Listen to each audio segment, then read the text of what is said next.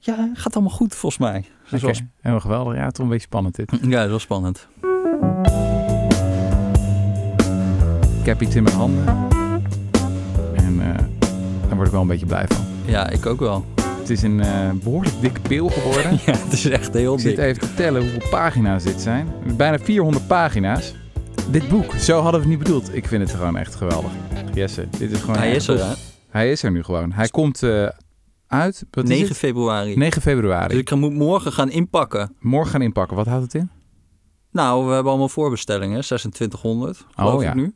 Dus die moeten allemaal eruit. Die moeten allemaal eruit. Ik ben heel benieuwd hoe het gaat vallen. Vind je het spannend? Ja, ik vind het wel heel spannend. Ik had een nachtmerrie, hè? Ja, wat dan? Dat, ik, dat NRC, eh, dat Harry Lensink, die niet eens voor NRC schrijft, die maakt een fucking Holleder podcast. Ik heb nog nooit over Harry Lensink nagedacht, behalve in deze droom. Ja. Harry Lensink, die had mij één ster gegeven in de NRC. Oh.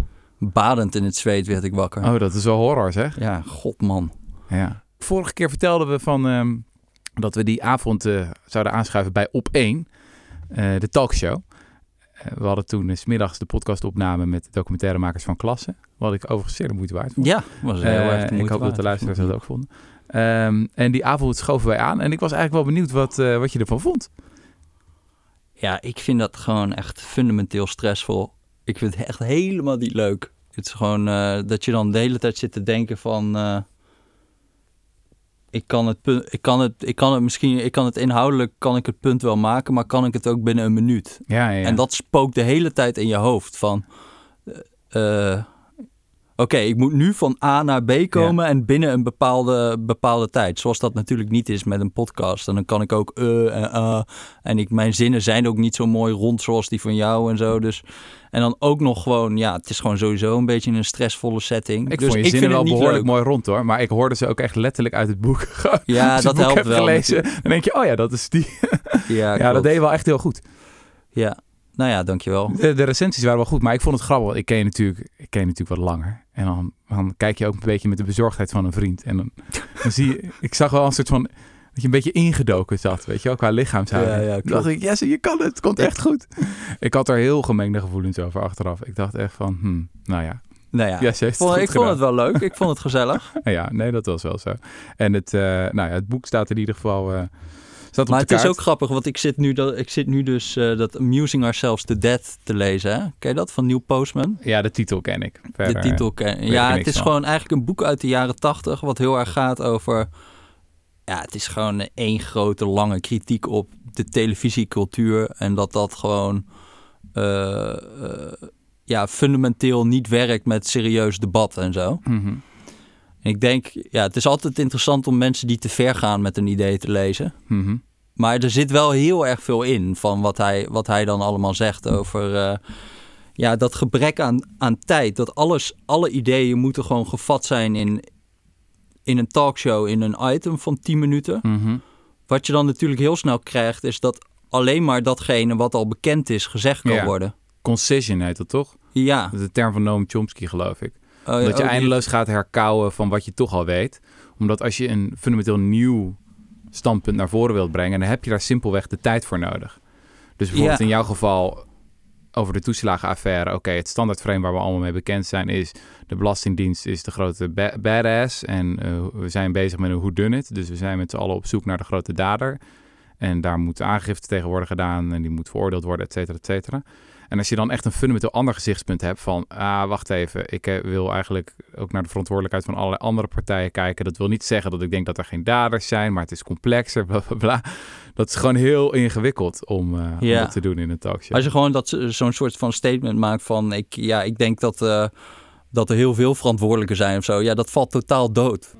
Dat wordt pas, krijgt pas lading volgens mij in zo'n boek. Van dat je dat dan ook wat meer beseft. Maar als je het gewoon zo binnen een minuut moet zeggen... dan komt dat gewoon dom over. En ja, ik weet niet. Dus dat is dan wel een soort van de beperking van het medium heel erg. Je had wel een mo- mooi moment met... ehm, hoe heet die eh, NOS-journalist ook weer? Die Joost Vullings. Joost ja, ik had wel ja. ja. ik, jammer, want ik had wel zin om dat gewoon even uit te praten of zo. Of om daar verder in te komen. Ja. Maar ja, dat, ja. Want Nou er was ja, een moment dat jij zei van... het is de taak van de journalistiek niet om spannende dingen belangrijk te maken... maar om belangrijke dingen spannend, te, te maken. Andersom eigenlijk. Dat is, dat is onze taak.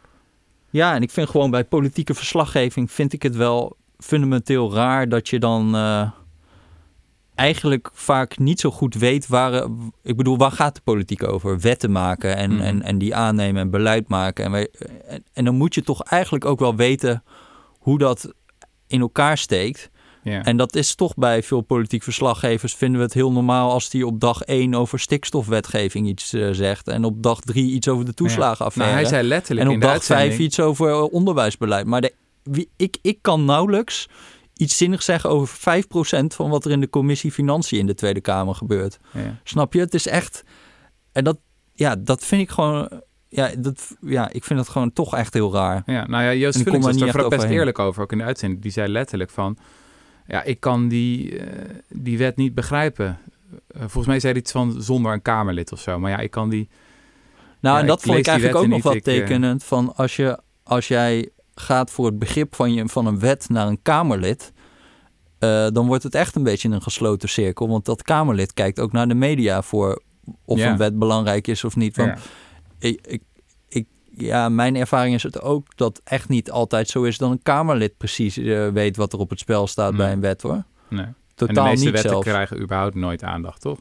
Nee, dat is, dat is dus ook het, het grote punt. Dat maar één op de vijf Nederlandse wetten. eh, de parlementaire behandeling van een wet. Hè. Mhm. Het kan ook zijn dat je vijf, zes jaar later het helemaal misloopt. en dan heb je het er in één keer wel over. Mhm. Maar de parlementaire behandeling van eh, wetten is maar één op de vijf Nederlandse wetten. die meer dan één artikel krijgt in een landelijk dagblad. Mhm. En dan is nog de vraag. ja, eh, eh, eh, wat voor aandacht is dat dan? Ja. Kijk, wat heel veel gebeurt van die wetten die wel aandacht krijgen, dan is er conflict over, zoals de dividendbelasting. Ja. Maar 90% van de, de wetten die gaat gewoon met unanieme stemmen ongeveer door het parlement heen. Ja. Dus dat is natuurlijk fascinerend, want het is echt niet zo dat.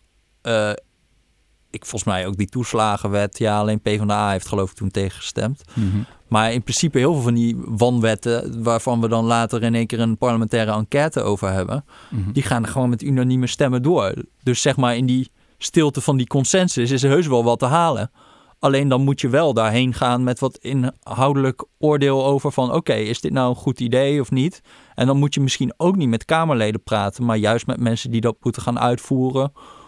Of ja, Maar waar komen die wetten dan vandaan? Is dat gewoon het grote kolossale ambtenarenapparaat dat gewoon een meerjarenplan heeft en weet je wel, de ene na de andere wet ja uit het valt natuurlijk niet in zijn algemeenheid... wat dan de meeste uit regeerakkoorden natuurlijk. Gewoon omdat het zo is afgesproken dat er zo'n wet moet komen... Oh, dan komt er gewoon zo'n wet. En dat is natuurlijk ook niet goed. Want dan eh, staat alles al dichtgetikt. En is er Mhm. ook, is ook voor controle niet meer zoveel eh, mogelijk. Mhm. Even uitzoomend, hè? dat is een politieke vraag waar ik veel over heb na zitten denken de afgelopen tijd. Van, is het nou waar dat we een soort van ander tijdperk betreden met, laten we zeggen, gewoon een, een wind die wat meer uit de linkerrichting komt waaien? Je hebt een moment gehad dat zelfs, eh, volgens mij Hugo de Jonge zei, het tijdperk van het neoliberalisme is voorbij. En hoewel als je naar de peilingen kijkt, dan denk je niet echt van, oh, er is een hele grote verandering eh, tot stand gebracht. De grootste partij is nog steeds VVD, daaronder geloof ik PVV. Eh, het, het linkse blok stelt niet heel veel voor. Of eh, misschien ook zelfs eh, minder dan het in, in lange tijd heeft gedaan. Ehm, maar anderzijds, als je kijkt naar een soort van linkse ideeën. Ik bedoel, het kabinet is gevallen om de toeslagenaffaire. Dat, dat zegt al een boel, denk ik. Dat het gewoon kon vallen überhaupt om iets waar we heel lang onverschillig over waren. Namelijk gewoon het, ja, het, het, het doorgeslagen wantrouwen, de fraudejacht, noem maar, maar op Mhm. hoe mensen behandeld worden in de sociale zekerheid. Ehm, maar anderzijds zag je dan ook weer dingen als bijvoorbeeld, eh, wat is het, de lijsttrekker van eh, CDA, Wopke Hoekstra, waar we eerst allemaal enthousiast over waren. Of althans, ik zag sommige enthousiast. Ik zag Shaila Sitalsing met een tweet, eh, dat is het, toen hij nog geen eh, lijsttrekker was, van ja, de beste lijsttrekker die we, die we nooit hebben gehad. Weet je, de uh, Sitalsing, de columnist van Mhm. de Volkskrant. Maar nu is hij het. En dan eh, kijk je eens even wat, nou, wat heeft hij ons allemaal te melden. Nou, we hebben een paar dingen van hem gehoord. Eén, eh, we moeten weer gaan bezuinigen, geloof ik, na deze, na deze crisis. Om eh, de schulden af te betalen. Want Ja. daar kunnen we de volgende generaties natuurlijk niet mee opzadelen. Dan denk je, gaan, we, Oh, gaan we dat weer doen? Ja. Ehm, wat heeft hij nog meer gezegd? Oh ja, hij vond dat salarissen voor staatscommissarissen... Ja, dat vond ik wel echt weer een beetje flauw om hem daarop... Ik bedoel, ik vind, om heel eerlijk te zijn, ook dat je gewoon ambtenaren beter moet betalen. Mhm. Ik vind, sorry, ik vind dat echt zo'n links ding van 5000 euro erbij bij commissarissen van staatsbedrijven. Hoeveel geld gaat dat, denk je? Mhm. En dan gaan we ons daar helemaal over opwinden, omdat het gewoon lekker economische identiteitspolitiek is. Ja, soms werkt het wel goed. Ik zou- Ja, ja, jij, dat jij was een hele mooie, dat was één hele mooie opmerking. 25.000 euro krijgen ze Er per was jaar. een is niet geweldige, geweldige opmerking van Eva Hoeken. Die zei, huh? Maar hoezo moet het salaris omhoog? We kunnen toch gewoon applaudisseren? Ja, oké, dat is wel grappig. Maar ja, dat is. Maar die krijgen toch ook, ook mensen in de zorg krijgen toch eh, ja, die krijgen ook een bonus. 800 hebben een miljoen of zo. Ja, ja. Ook niet eens mensen die met Ja. corona allemaal. eh, ja.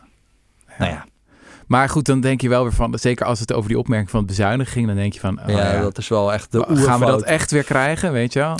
Ik weet niet, man. Ik denk, ik denk, eh, ik denk wel dat ook gewoon al die adviseurs en mensen bij financiën en zo, daar, dat, dat, dat is ook nogal. Ik bedoel, CPB staat ook heel anders in de wedstrijd nu dan, eh, dan in 2010 Ja. qua bezuinigingen. Echt, ook in de hele economische wetenschap is echt een beetje de, de wind gekeerd. Dus als, ja, ik denk misschien een beetje geluiden uit het Jura nog van, eh, van eh, Wopke Hoekstra. Maar Ja, maar ja, misschien dat hij denkt nog dat dat een soort van iets is wat een verantwoordelijke middenpoliticus van het CDA zegt. Van jongens, we gaan straks alweer bezuinigen. Of dat hij denkt van, ja, ook omdat hij natuurlijk minister van Financiën zo van, het is altijd populair als je, als je zegt ik ben zuinig op de centen of zo. ja, dat hij denkt van dat, dat werkt nu nog. Ja, ja, ja ik, weet, ik ben benieuwd hoe dat eh, in, de, in de praktijk. Ik ken ook de quote niet exact hoor. Het kan ook wel eens dat, van, eh, dat ze dan ergens zeggen over ergens ooit in de toekomst. Nou ja, Ja. prima als je dat zegt. Maar Ja,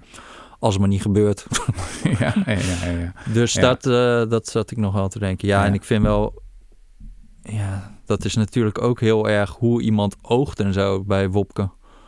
Kijk, ik vind het moeilijk om ook bij zo'n minister van Financiën... om over alles wat hij doet dan een afgewogen oordeel te vellen. Mhm.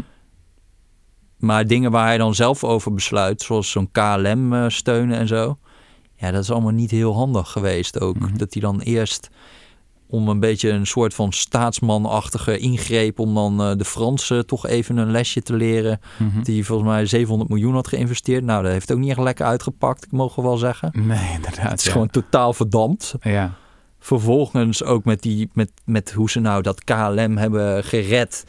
is nou ook niet eh, heel erg lekker zakelijk. Dat je eigenlijk al van tevoren gaat zeggen... joh, eh, we gaan jullie sowieso redden. Nou, daar gaat je onderhandelingspositie. ja. Ja, daar snap ik dus echt helemaal niks van. hè. Was dus niet zo'n heel goed idee van eh Wopke Hoekstra om miljarden te pompen. Miljarden, hoeveel zou... Ja, miljarden. Ja, Ja. nee, nee. dat, zo heel was, dat was niet zo heel zakelijk. Dat was niet zo heel handig. Nee. Nee.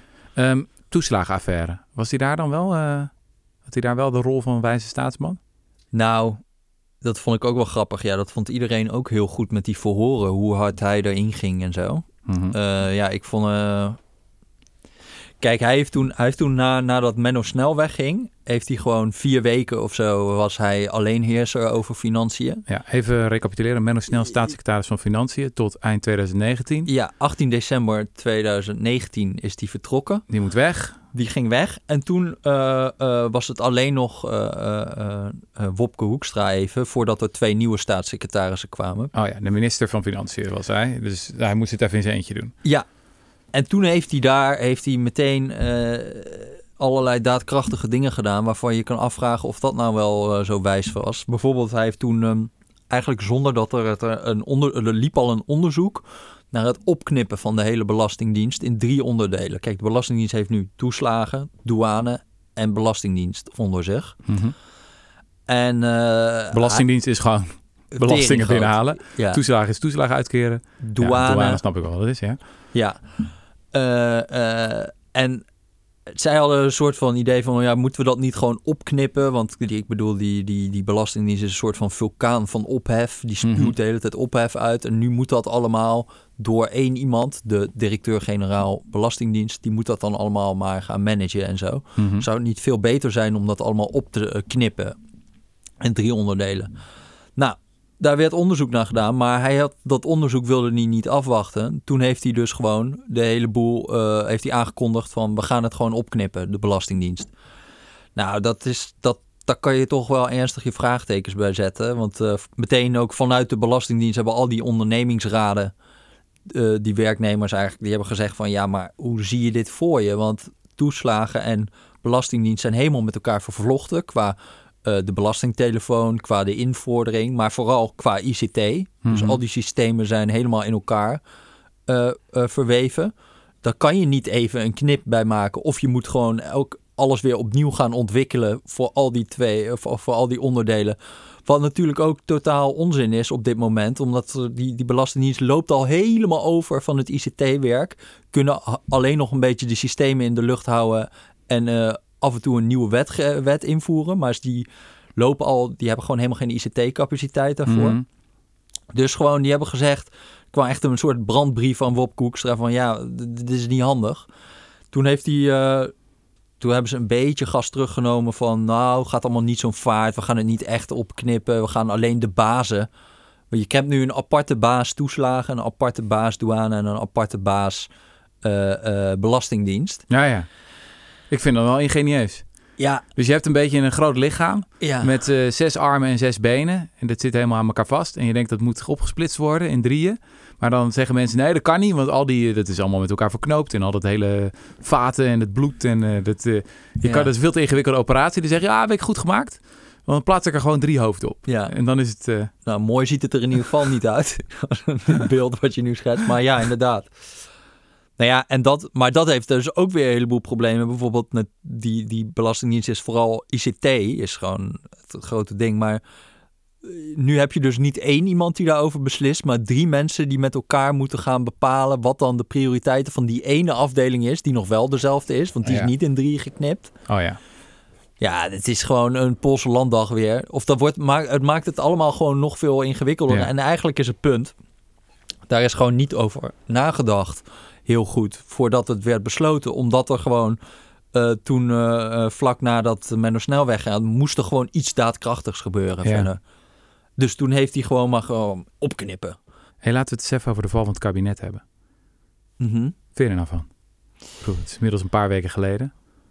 kabinet toch gevallen over de toeslagenaffaire. Ik bedoel, ja, een aantal jaar geleden was het ondenkbaar geweest... dat een heel kabinet zou opstappen vanwege de doorgeslagen fraudejacht in Nederland. Mhm. Ik bedoel, dit was natuurlijk al langere tijd bekend. Er zijn verschillende media die daar goede stukken over hebben gepubliceerd. Je kan me nog eh, de, de goede artikel in de Volkskrant van Jonathan Witteman bijvoorbeeld herinneren. Het was in 2013 volgens mij over wat er inmiddels allemaal, eh, wat er allemaal in de bijstand gebeurde. Jij bent er ook veel mee bezig geweest, maar nu toch gebeurt het ineens. Mhm. Gewoon een kabinet dat helemaal opstapt om de toeslagenaffaire. Hoe kijk jij ernaar?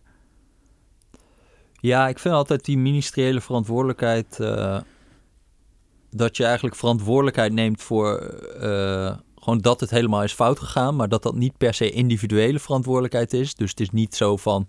Goh, Rutte heeft nu persoonlijk het helemaal fout gedaan. Nee, we nemen gewoon verantwoordelijkheid voor het hele.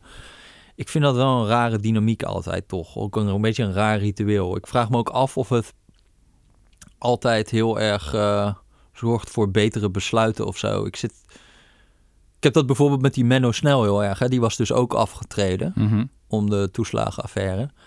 Maar eigenlijk vanaf het moment dat hij... Hij zei, geloof ik in juli 2019, zei hij van...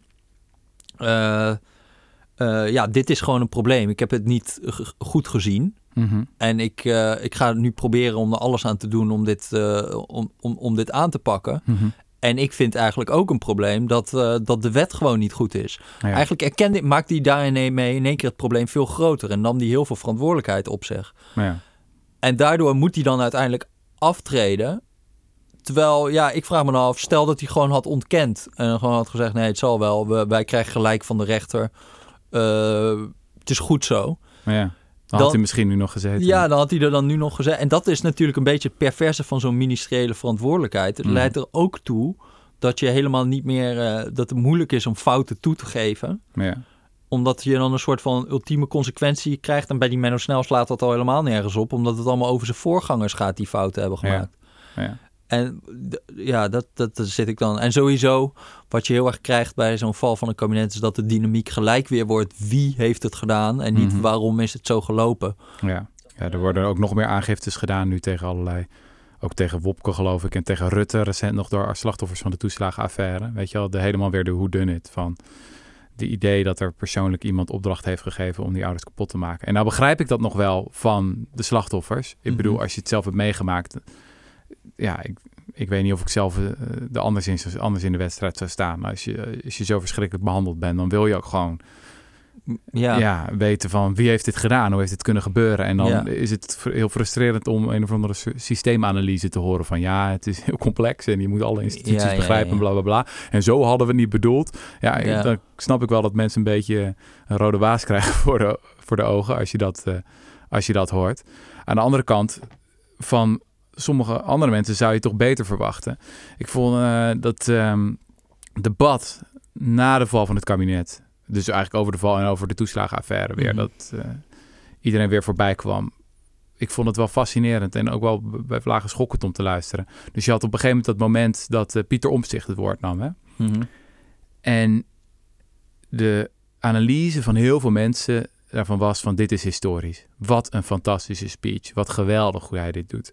Dus hij ging helemaal tekeer tegen de Haagse kliek.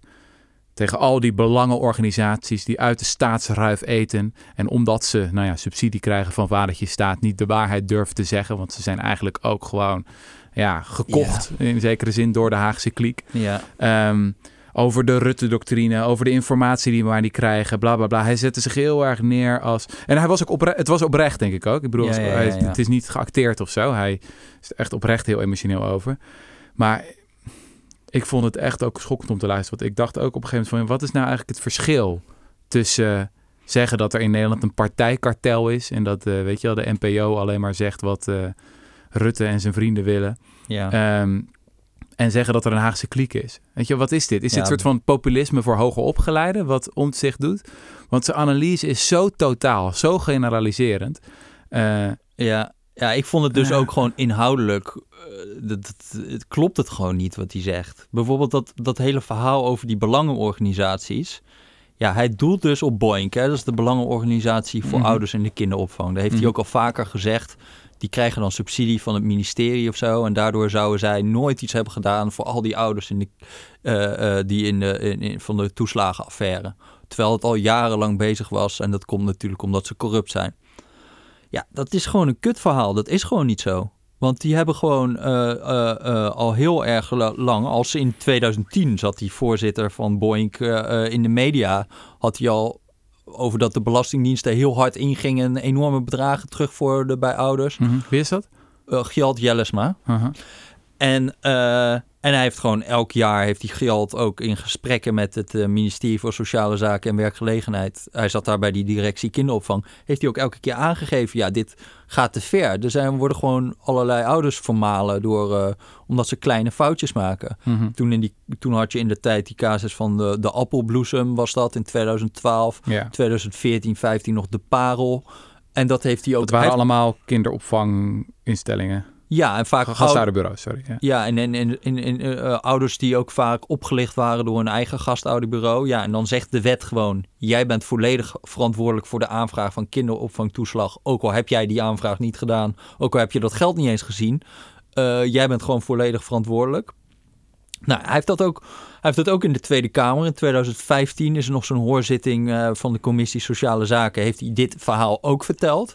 Gewoon als je dat nu terugleest, die tekst, denk je: ja, dat is dus de toeslagenaffaire. ja. Eh, eh, ja, wa- wat, en, en het punt is natuurlijk dat de Haagse kliek, of eigenlijk waar hij zelf toe ook eh, toe behoort, Omtzigt. Hoort Ja, er Omtzigt. Ja. die hebben daar niks mee gedaan met al die signalen. Nee. En het ministerie ook niet. En, en dat is natuurlijk het, het, het- de grote partij die mist in de verhalen, ook van de, van de Tweede Kamer in het algemeen, mag ik wel zeggen. Nou ja, niet iedereen. Tijdens dat debat waren er wel wat meer mensen ook een beetje reflectief. Mhm. Maar bij omzicht irriteert het mij vreselijk dat hij gewoon niet de rol van de Tweede Kamer hierin ziet. Nee.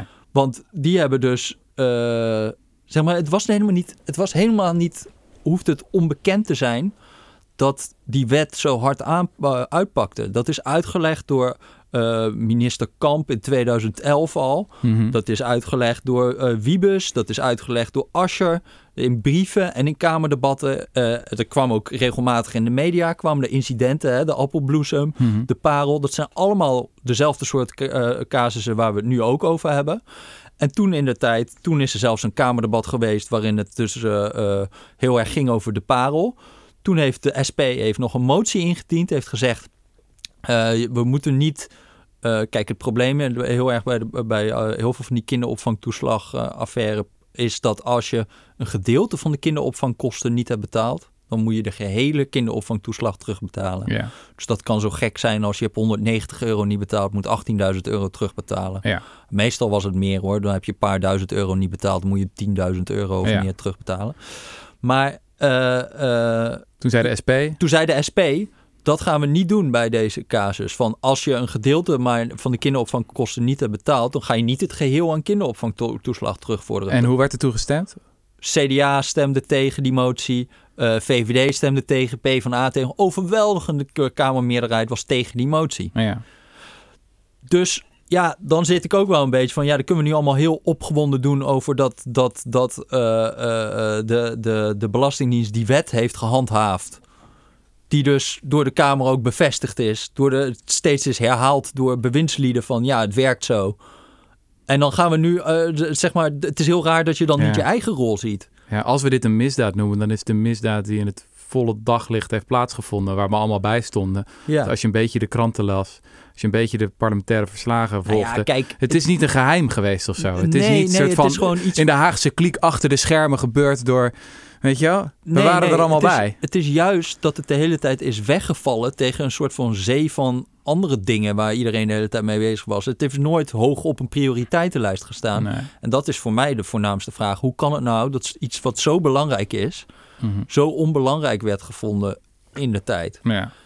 En, en niet alleen door eh, een paar kwaadwillende personen bij eh, de Belastingdienst. Ja. Hè, dat, eh, ja, en, en, en dat vind ik dus ook het, eh, het hele, het, zeg maar, fundamenteel in zijn verhaal is er een soort van, wordt er een beeld geschetst van, eh, ja, een soort van helden, zoals hij zelf en Renske Leijten, die dan de hele tijd informatie vragen. ja, en een paar journalisten, Pieter Klein, Ja, eh, en die Jan vu- Klein Nijhuis van Trouw. en al die informatie was echt cruciaal om deze hele eh, zaak op te lossen. En die werd maar niet gegeven door de regering. Mhm. Nou ja, in mijn beleving is, klopt die analyse gewoon niet. Want de informatie die nodig was, is al bij herhaling in de Tweede Kamer gegeven. Dat was gewoon dat die wet zo werkte. Mhm. Dat was gewoon de crux van het verhaal. Maar in het begin wilden eh Renske Leijten en Pieter Omtzigt, toen die toeslagenaffaire begon, dat ook helemaal niet geloven. Dus de staatssecretaris zei de hele tijd: Ja, de wet werkt zo. Ik kan heel moeilijk iets doen voor die ouders, omdat ze formeel geen recht hebben op kinderopvangtoeslag. Mhm. Maar zij zaten toen nog heel erg op het spoor van: nee, dat is niet zo. De Belastingdienst is gewoon crimineel bezig en die eh, handelt tegen de wet in. Ja, dat is een analyse die door eigenlijk elke commissie inmiddels is afgeschoten. De commissie Donner heeft gezegd dat klopt niet. De, eh, nu ook die parlementaire onderzoekscommissie heeft gezegd: ja, die wet werkte gewoon heel hard uit. Ja. Dus dat klopte gewoon Ze niet. zaten op een verkeerd spoor al die tijd. Ja, de, ja. En dat, nou ja, ze zaten verzekerd in dat begin zaten ze gewoon op een verkeerd spoor. En ze waren dan de hele tijd bezig met superveel informatie opvragen. Die een beetje hun hypothese moest gaan bevestigen. Dat er bij de Belastingdienst, dat het, dat het, dat het daar helemaal mis zat. Is niet de grote ironie dat de toeslagenaffaire juist daarom groot is geworden? Want dit doet het natuurlijk in de media veel beter. De suggestie dat er informatie wordt achtergehouden. En je kan elke keer weer kamervragen stellen. En elke keer weer is de frustratie van... oh, de antwoorden worden niet gegeven. Weet je wel? En je hebt weer een artikel en nog een artikel. En zo blijf je dat vuurtje opstoken. Dus juist omdat die analyse heel lang gevolgd werd... kon het groter en groter en groter worden. En, en met zo'n analyse vallen kabinetten ook. Met de suggestie van... jullie houden dingen achter, er is een Rutte-doctrine... informatie wordt niet gedeeld, et cetera, et cetera. Ja, Terwijl het verhaal... ja, dit was eigenlijk wel bekend, al jaren... En we stonden er zelf bij en we hebben er ook allemaal voor gestemd. Als, of heel veel van ons als Kamerleden. Mhm. In veel gevallen dezelfde Kamerleden die nu zo boos zijn. Ja, dat is natuurlijk wat minder sexy, weet je. Of dan, dat is niet iets waar je dan een, een, een vurig betoog kan houden. En daarom moet het kabinet nou ja, en het druppelt niet. Een verhaal moet de hele tijd doorlopen. Zeg maar, je kan één keer in Tros Radar hebben... deze ouders zijn zwaar gedupeerd door een, door een verneukte wet. Gewoon een wet Ja. die niet werkt. En dan... eh, ja, en dan? Nee. Zeg maar, eh, als het de hele tijd zo doorgaat van... Ja. Oké, kamervragen zijn gesteld. Hij geeft geen antwoord op deze vraag. Dit systeem moet boven. nog... We weten dit nog niet. Ja, we weten dit nog niet en het blijft de hele tijd zo. En dat, ik, ik, kijk, ik weet niet of hij dat eh, helemaal bewust doet, maar hij snapt wel, of om zich snapt die dynamiek heel goed. Ook nu met die vragen die dan voor dat debat worden gesteld. Mhm. Ja, dat zijn 500 vragen. De, ik bedoel, ik denk, Ja, laten we daar even op inzoomen. Want dat is ook echt een belangrijk moment waar mensen helemaal, nou, helemaal gaaf vonden van omzicht. dat hij dan allemaal vragen had gesteld en daar kreeg hij geen antwoord op. En de, echt ook briesend in zijn bijdrage aan het debat zei hij van, ja, kijk hier. Dan heb ik vraag 5 en daar staat een antwoord dat niet deugt. En dan staat er bij vraag 6, zie antwoord vraag 5. Bij vraag 7, zie antwoord vraag 5. Weet je wel? En het is een schande. En waar blijft die informatie nou? En ik wil het nu hebben, et cetera, et cetera. En volgens mij is dat niet geacteerd eruit. Dat vindt hij echt. Ik Mhm. bedoel, dat, eh, dat spat er vanaf. Ehm, maar ook hier is steeds de ge- suggestie van de, ja, de informatie ontbreekt. Mhm. Ik, ik, heb een, ik heb een term bedacht voor, voor, die, voor die type houding. Ik dacht, volgens mij wat dit is, is ehm, onderzoekspopulisme. Dus je hult je zeg maar in de mantel van de onderzoeker, van de onderzoeksjournalist, van de parlementariër die een echte pitbull is, die, die de onderste steen boven wil krijgen. Mhm. En als je ernaar kijkt als leek, dan ziet het er indrukwekkend uit. Dan denk je zo, zo die omzicht, die vraagt door, die bijt door, weet je wel. Mhm. Alleen de toeschouwer die weet in 99 van de 100 gevallen, of nog vaker, niet wat er nou precies gevraagd wordt. Dus die, die kan die belang van die informatie niet duiden. Dus Ja. de, bedoel, als het over de toeslagenaffaire gaat, hebben we honderden, eh, duizenden documenten, bergen aan informatie die de Ja. meesten van ons niet gelezen hebben. En het is maar heel erg de vraag of, of nog een memootje of nog een documentje daar bij het ministerie van Financiën of Sociale Zaken of waar dan ook, daar iets aan gaat veranderen aan de fundamentele analyse. Maar als je wel de hele tijd zo doet, weet je wel, van ik vraag door en, en ik wil nu de Mhm. onderste steen boven krijgen, dan komt dat heel erg over als van oké, jij bent de held tegenover het systeem. Ja. En dat is een vorm van, ja, I don't know, onderzoekspopulisme, populisme voor hoge opgeleiden. Dat doet het heel goed bij heel veel mensen. Ik denk Ook vooral bij journalisten. Van, die, die hebben een soort van gemoedsverbond met zo'n eh, iemand als Omtzigt. Want zij hebben ook altijd het idee dat ze voorgelogen worden en dat, eh, dat de waarheid achtergehouden Ja, moet worden. ja. En dat, Dat ze tegels moeten lichten, want onder de tegels ligt het onkruid. ja, terwijl heel, soms is het antwoord, moet je gewoon een beetje filteren uit eh, de kamerstukken, zeg maar. Ja. Bijvoorbeeld één ding wat heel groot is, dat memo palmen. Hè? Dat zou dan een memo zijn door iemand van, eh, is door iemand van de Belastingdienst geschreven. Mhm. En dat gaat over één hele specifieke casus van het gastouderbureau in Eindhoven, waar eigenlijk die hele toeslagenaffaire mee is begonnen. Ja, gastouderbureau Dadim. Ja. Ja. En eh, in, die, in die memo eh, is zij eigenlijk heel vernietigend over die, eh, over die werkwijze die is gehanteerd bij dat, dit- dat team. Want er is gewoon bij een aantal van die ouders daar is, zijn allerlei constateringen gedaan van nou, voor ingevulde urenstaten en urenstaten op da- data die niet bestaan. Weet je wel, eh, 32 juli wordt het kind opgevangen. Ja, dat is knap. Ehm, en, eh, maar vervolgens bij de hele groep de toeslagen stopgezet. In afwachting van bewijsstukken waarmee ze dan konden bewijzen dat ze wel recht hadden op die toeslagen. Mhm. Nou, dat, daarvan zegt zij van ja, dat kan echt niet. En daarna is ook nog de bezwaarbehandeling, duurt anderhalf jaar, dat kan ook echt niet. Mhm. Dus dat memo is daarover heel vernietigend. Mhm. Nou, dat is heel lang, is dat niet. eh, eigenlijk zijn dat ook bevindingen die dan later de nationale ombudsman heeft ook naar die casus gekeken. En die heeft daarvan eigenlijk hetzelfde gezegd als in dat memo staat, wat Mhm. een maand of twee of drie eerder is geschreven dan dat Mhm. rapport van de nationale ombudsman.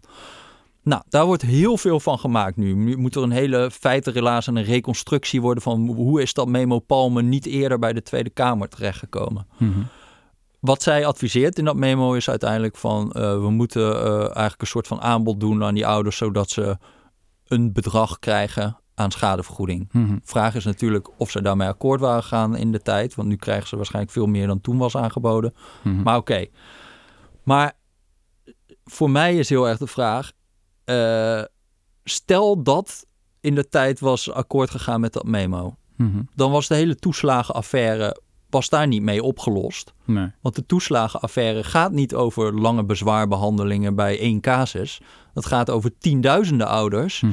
die zijn eh, gedupeerd door kleine foutjes. Daar ging dat hele memo eigenlijk niet over. Nee. Dus stel dat, het, stel dat het toen wel was geacteerd op dat memo, dan was de toeslagenaffaire misschien niet eens begonnen. En dan hadden al die slachtoffers waren er nog steeds geweest. Mhm. Dus het is een soort van zijspoor op het daadwerkelijke eh, eh, probleem, Ja. wat die wet is. Ja. En die- ja, dus dan, dan denk ik van oké, waarvoor wil je dan nu zo'n hele reconstructie hebben? Van, van, oh, dan wordt gedaan alsof het een cruciaal memo is voor de hele toeslagenaffaire. Dat is het niet. Ja. ja, elke keer is de suggestie van er moet meer informatie boven komen. Dat is ook over het, over het punt van etnisch eh, profileren trouwens. Dat ook daar wordt gezegd van ja, we weten heel veel nog niet. En dat is eigenlijk de, dat is door de parlementaire onderzoekscommissie erbuiten gehouden, als ik het wel heb. Ja. Dat hele punt. Hoe kijk jij daarnaar? Ja, ik, ik, vind dat, ik, ik vind het bizar hoe uh, de hele tijd maar blijft uh, allerlei dingen worden gezegd die gewoon echt ontkracht zijn. Dus uh, bijvoorbeeld wat, wat je heel veel in columns en zo nu Mhm. leest, is van ja, er was een soort van geautomatiseerde risicoselectie op de tweede nationaliteit van mensen. Mhm. Nou ja, dat is gewoon niet zo. Dat staat gewoon in dat autoriteit persoonsgegevensrapport staat uh, dat er geen geautomatiseerde risicoselectie was op de tweede nationaliteit. Ja. Ja, en, en, dat blijft dan maar herhaald worden in columns totdat het vanzelf waar wordt Ja. of zo. Dat is zo maf, hè? Hoe Ja, dat is heel, dat is ik heel vond ook een aantal andere voorbeelden, als bijvoorbeeld afpakjesdag. Dat is zo'n woord dat de hele tijd terugkeert. En dat je dan in je, in je boek laat zien, afpakjesdag was een term die gebruikt werd in inderdaad interne mails op, op 5 december. Toen ze een corrupte, wat is het, belastingadviseur gingen aanpakken. Ja. Die later ook veroordeeld is. Ja. Dus nou ja, op zich, je zou zeggen, best grappig. Kantoorhumor, weet je wel. We gaan een corrupte gast Ja, moet je aanpakken. natuurlijk niet Ja, doen. mo- Ik vind niet het zo wel- netjes, maar ik bedoel, als je achteraf weet, dit was gewoon een corrupte, wat is het, fiscalist of zo. Ja. Nou ja, ik heb er wel sympathie voor of zo, als je dat dan eh, afpakjesdag noemt. Eh, Ja, maar dat wordt dan toegepast op iets alsof ze dat, die term gebruikten terwijl ze ouders gingen plukken. Dat, Ja. klopt, dat, dat klopt dan niet echt. Wat Nee. was het nou ook weer ook met zwartjesjacht? Dat ja, dat een, ja, een ja. term was dat met de suggestie van ze zijn op zoek naar zwartjes. Terwijl zwartjes blijken een achternaam te zijn van iemand. Ja, Ja, nou ja, dat, dan- was, dat was wel echt bizar. Dat was gewoon een, een, een tweet van Pieter Klein. Waarin hij zegt Van RTL Nieuws, Ja, ja. van RTL Nieuws. Van ja, ze hebben het in e-mails van de Belastingdienst ook over zwartjes. En iedereen wist het bij de Belastingdienst. Nou, oké. Vroeg iemand nog aan hem, oké, waarom staat dit dan niet aan, op RTL Nieuws als dit zo is? Toen zei hij van, ja, ik heb het bewijs nog niet gezien. Dan denk ik ook al, oké. Maar je tweet je het wel, maar Ja. oké, whatever. Maar, eh, moet hij weten. Maar vervolgens gaat dat dan in allerlei columns van Sheila Sitalsing en weet ik het allemaal. Die gaan allemaal zeggen dat, dat, er al, dat, er, dat het in interne e-mails daarover ging. Mhm. Wat nog helemaal niet bewezen is. Nee. Het, is. het staat helemaal niet vast. Het is een tweet van Pieter Klein. Vervolgens gaat de staatssecretaris dat uitzoeken. En die zegt, eh, nou ja, de enige vermelding vinden we met een hoofdletter. En het gaat dan om de familie Zwartjes Ja. in die e-mails van de Belastingdienst. En dan denk ik ook van, Ja. ja, god. Ja. Dat is toch allemaal, eh, ja. Maar goed, wat weten we wel? Want het is niet dat er helemaal niks aan de hand is. Nee, Ja, nee, is- kijk. Ze hebben dus gewoon die tweede nationaliteit stond nog steeds in hun systemen. En dat is helemaal niet de bedoeling. Want sinds 2014 mag dat niet. Want we ha- hadden vroeger hadden alle overheidsinstellingen kon je de tweede nationaliteit stond nog steeds in de systemen bij ja. de Belastingdienst. Maar, oh, ehm, maar dat is er toen in 2014 ging het over van de gemeentelijke basisadministratie in de basisregistratie personen. En toen is dat eruit gehaald, Mhm. de tweede nationaliteit. Maar de Belastingdienst toeslagen had nog steeds een kopie eh, van die eh, oude gemeentelijke basisadministratie. Waardoor ze dus nog steeds over die tweede nationaliteit beschikten. En dat was overigens ook niet heel makkelijk om dat gewoon even van druk even op delete en dan ben je er vanaf of zo. Want eh, ja, je hebt daar bijvoorbeeld eh, databases die zijn opgezet als een soort logboek. Dus Mhm. dan heb je een soort van rij en daar staat dan in... iemand heeft de Turkse nationaliteit. Ja. Dat wordt niet verwijderd, maar er wordt gewoon een nieuwe rij aan toegevoegd. Er staat iemand heeft de nationaliteit onbekend. Ah, en dan staat er ge- eh, geldig. Net als de blockchain. Ja, ja, ja. Dus er wordt De eigenlijk gezegd bij Belastingdienst de... heeft, het, eh, heeft het op de blockchain gezet. Ja, en dat is niet zo privacygevoelig, want alles blijft er altijd in staan. Ja, dus het is gewoon een logboek. Er staat van bij Turkse nationaliteit staat dan ongeldig. En dan staat er een nieuwe rij, onbekend, geldig. Ja, en dan En, dan- dat de eerdere regel. Ja, Ja. maar dan, dat is eigenlijk bedoeld ook zodat je in de tijd kan zien wanneer wijzigingen hebben plaatsgevonden. Voor als iemand toeslagen vraagt over een eerdere periode, dan moet je natuurlijk weten wanneer die wijzigingen allemaal hebben plaatsgevonden. Ja. Eh, maar eh, ja, daardoor staat natuurlijk ook nog steeds die tweede nationaliteit eigenlijk wel in je systemen. Hm. Er zijn ook nog meer databases, maar dit is een van de redenen waarom het ook niet makkelijk is te verwijderen. En daar waren ze dus nog helemaal niet mee begonnen. Nou ja, dat kan natuurlijk niet, want het moet wel weg. Maar ja, ICT-beperkingen, ICT-gebrek. Ja, dus ook dat. Ja. Eh, maar, en wat, wat, wat, voor, wat volgens mij eh, het meest kwalijke vooral is, is dat ze eh, eh, de eh, Nederlanderschap en niet-Nederlanderschap Ja. dat dat een indicator was in het risicoselectiemodel. Dus eh, als ze eh, aanvragen van toeslagen gingen controleren, Ja. dan eh, was het een eh, indicator van risico of jij een Nederlandse nationaliteit had of een niet-Nederlands. Ja. En niet-Nederlands ging je dus extra Vaker controleren. controleren. Ja. Ja. En wie hebben daar vooral last van gehad? Nou, kijk, eh, eh, eh, als je kijkt op wat, wat zij.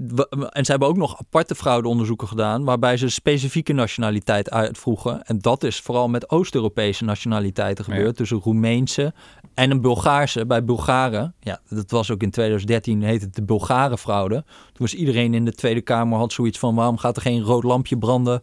als er eh, veel Bulgaren zich bij een gemeente Bali melden of zo?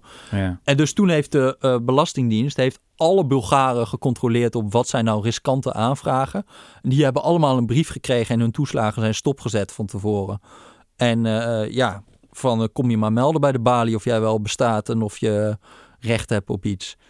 En er is dus ook in dat managementteam toeslagen toen gezegd van eh, elke Bulgaar die iets fout heeft gedaan moet een boete krijgen en krijgt geen betalingsregeling. En toen is ook wel gezegd van eh, ja, maar ja, dat klopt niet helemaal. Want misschien hebben ze wel, helemaal, wel recht op een betalingsregeling volgens de regels. Hm. En toen werd gezegd van ja, laat ze dan maar lekker bezwaar maken. Dat gaan wij nu niet. eh, eh, we gaan het gewoon niet geven. Mhm. Nou ja, dat is wel duidelijk eh, een vorm van discriminatie als je het mij vraagt. Ja, inderdaad. Ja. Maar goed, Ja. daar, de achtergrond daarvan is natuurlijk ook weer dat, er, dat daar in de politiek ging het ook, werd er ook wel op hoge toon over Bulgaren gesproken. ja, het was niet dat En- dat toen als een probleem werd gezien. Om, eh, En de grap is bijvoorbeeld eh, dat, dat in de Tweede Kamer in Kamervragen van Omtzigt wordt dan gevraagd van kun je even een overzicht maken van alle toeslagaanvragen en terugvorderingen naar nationaliteit? Om zich vroeg daarom. Ja, en, dan, en, dan, en dat wordt nu door de autoriteit persoonsgegevens, wordt de Belastingdienst aangerekend dat ze dat soort overzichten maakten. Ja. En ook, en ook eh, tot in, ik geloof in december 2017 was er nog een Kamerdebat waarin Omtzigt ook vroeg van, ja, kunnen we de toeslag aanvragen van Oost-Europeanen, Bulgaren, Roemenen, kunnen we die niet gewoon wat extra controleren? Ja, dat vroeg hij gewoon in een openbaar Kamerdebat. Ja, dat mag dus niet. Dat is gewoon, dat is gewoon discriminatie. En daarvan zegt de autoriteit persoonsgegevens nu ook, Ja. ja, dat kan niet. Maar dat zijn wel dingen die toen gewoon gevraagd werden. ja. En ook weer niet in het geheim. Ook, ook niet echt in het geheim, nee. Je kon het gewoon zien op Politiek 24 terwijl het gebeurde. Ja, Ja. nou ja, en dan voor, voor de rest, ik, kijk, ik geloof wel dat er institutioneel racisme is, hè, ook in. Nederland. Er is overweldigend bewijs voor. ja, Toch? Maar ik geloof niet dat, dat zeg maar die verhalen die nu de rond te doen. Ik denk dat het veel. Kijk, je weet niet wat er in het hoofd van een individuele inspecteur omgaat. Maar ik ga ervan uit een kwart van het electoraat in Nederland stemt op eh, tamelijk twijfelachtige partijen. Ja. Ja, die zullen ook bij de Belastingdienst werken. Ja. Het is alleen niet zo dat het een soort van geautomatiseerd systeem is. Of dat het nu voor heel erg duidelijk is dat er echt geselecteerd is op tweede nationaliteit. Ja, dat is ja, helemaal ja, niet zo. Ja, ja. Hey, ehm, even tot slot. Er was een beetje een merkwaardig moment. eh, ook tijdens dat, eh, dat debat na de val van het kabinet en over de toeslagenaffaire. Dat jij mij op een gegeven moment, eh, wat is het, appte. En dat je ineens enthousiast was over Klaas Dijkhoff. Ik dacht niet dat we dat ooit nog gingen meemaken. Nee, Misschien is het ook een niet. effect van politici die hebben aangekondigd dat ze vertrekken. Dat ze ineens verstandige dingen gaan zeggen. Hij had ook een mooi interview in de Volkskrant. Ja, waarin ook soort van zijn... ja, ging dat nou over het imposter syndrome? In ieder geval, hij vertelde van dat hij... ehm, van ging naar Den Haag ging en dacht... oké, nu ga ik een niveau van analyse meemaken. Weet je nou, nou ga ik het echt zien hoe Nederland wordt bestuurd. En toen viel het een beetje tegen van... oh, dit zijn ook maar gewoon mensen die aan het aanrommelen zijn. Toen ging hij op Europees niveau en dacht hij van... nou, nou ga ik het zien. En toen, nee, toch ook weer gewoon mensen die aan het aanrommelen zijn. Dus van dat gevoel van volwassen worden. Volwassen, de definitie van volwassen zijn of volwassen worden is het besef dat eigenlijk iedereen maar een beetje aan het aanrommelen is. En ik vond dat hij dat heel mooi beschreef in dat interview. Dat hij ook vaak lof kreeg voor dingen die hij helemaal niet echt had gedaan, weet je wel. Ja, Waar hij niks, en dat hij ook kritiek kreeg voor dingen waar hij eigenlijk ook niet echt wat mee te maken had. ja. Eh, En dat de hele tijd een bepaalde mate van intentionaliteit werd verondersteld die er niet is. Nou Ja. goed, de mensen moeten het maar opzoeken. Interview Klaas Dijkhoff met de Volksstand. Eh, maar hij had dus ook een, eh, een hele ja, reflectieve analyse over de rol van de Kamer en zijn eigen fractie ook. Ja. Tijdens dat debat. Wat vond jij er goed aan? Nou, ja, ik, ik, had het, ik had het gevoel alsof hij gewoon eh, alles uit mijn epiloog had eh, overgenomen, zo'n beetje. Ik dacht, dan krijgen we nou Ja. de VVD. ja, dat was niet de bedoeling. Nee. Maar eh, ja, de- nee, ja, hij, hij begon ook met excuses namens de, zijn eigen Kamerfractie. Voordat ze hier de hele tijd mee in hadden gestemd. Hè, die eh, doorgeslagen fraudejacht. Hij, eh, ja, hij had ook een mooie interruptie. Begon eh, Ke- Kees van der Staaij van SGP. Ja. Die, die zei van ja, er was er dan een of ander rapport wat toch wel een goede aanbeveling had gedaan over, hoe de, over wat er allemaal anders moest met iets. Ik weet niet eens meer wat. Mhm. Maar ja, dat, dat kwam dan niet op de Kameragenda en dat lag er al een half jaar en er gebeurde eigenlijk niet zoveel mee. Mhm. Ja, wat, wat, vindt, eh, wat vindt Klaas Dijkhoff daar dan van? Wat moeten we daar dan eigenlijk mee? Hoe komt het dat we het daar dan niet over hebben? En toen zei hij iets van... eh, ja, misschien moeten we gewoon eh, één dag in de week voor eh, de actualiteit en het nieuws... en de rest gewoon bezig zijn met serieuze dingen die daar echt toe doen. ja. En dat, dat vond, Ja. ik wel, vond ik wel mooi. En toen begon iedereen een beetje te lachen. Toen zei hij, ja, ik meen het eigenlijk wel. eh, ja, kijk wat het wel is natuurlijk bij al deze dingen. Het is allemaal uitvoering. Iedereen heeft altijd goede intenties. Ik heb ook altijd, als ik naar Pieter Omtzigt luister... dan denk ik ook altijd van, ja, we zijn het echt eens of zo. ja. Iedereen ben ik het wel mee eens. Maar het punt is dat ze, om dat allemaal in de praktijk te brengen... ook in zo'n parlement en met zo'n mediaklimaat... is altijd heel moeilijk. Ja, want op zich die analyse van de, de heigerigheid van het parlement, die is heel vaak gemaakt door het parlement zelf. En als iemand het vaak heeft gezegd, ook is het omzicht van, ja, wij kunnen al die wetgeving nooit behandelen, want het is veel te veel, te veel en het is te weinig ondersteuning. Ik ben totaal overwerkt. Nee, ik ben ook heel overtuigd dat die, die omzicht die deugt, weet je wel? Ja, dat ja, is iemand die heel hard werkt en die ook een enorme dossierkennis heeft. Ja, hij, wel hij dat maakt hij het ook wel waar hoor. Want Ja. hij zit altijd bij die wetsbehandelingen. Zit hij er wel ook, stelt hij goede vragen en ook amendementen. En terwijl heel veel collega's dan al verdwenen zijn. Ja, Dus eh, nee, maar, dat, maar, maar inderdaad. En dat. eh, ja, en hij had dus ook hele, in één keer over allerlei hardheidsclausules en zo. En eh, meer luisteren naar de uitvoering. Dijkhoff, en, ja, ja. ja, Dijkhoff, ja. ja. Dus dat vond ik wel bemoedigend. Ook dat, hij, dat leek echt alsof VVD in één keer een enorm end was opgeschoven inhoudelijk. En dat is natuurlijk gewoon 40 zetels nu. Ja, zeker, dus als ja. het eh, ons een beetje boeit wat er ge- daadwerkelijk gebeurt... Ja. en niet dat het gewoon eh, qua identiteit eh, niet de mensen zijn die wij leuk vinden... bij de VVD is dit natuurlijk wel super bemoedigend. Ja, waarbij dan wel weer door mijn hoofd schiet van... oké, maar zegt hij het ook omdat hij weggaat? Ik, ik had het ook met het interview met Fox het gevoel... dat hij soort van dat je scherper kan analyseren... of eerlijker kan analyseren, juist omdat hij ook weggaat.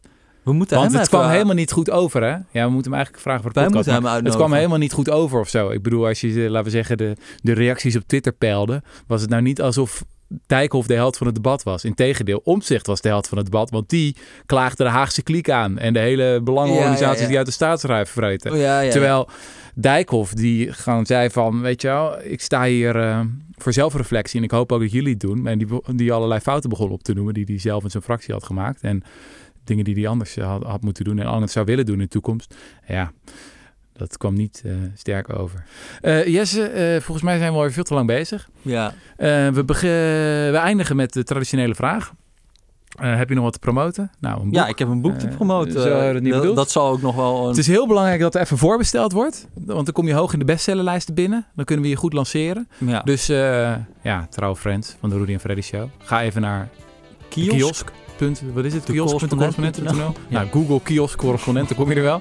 Ehm dan kan je bestellen. Het is echt een, eh, ja, ik ben 100% objectief, dus ik kan het zeggen. Fenomenaal boek. Eh Toedeledokies. Oké, yo. Ja, misschien dus Klaas Dijkhoff lijkt me wel leuk, zoals vragen.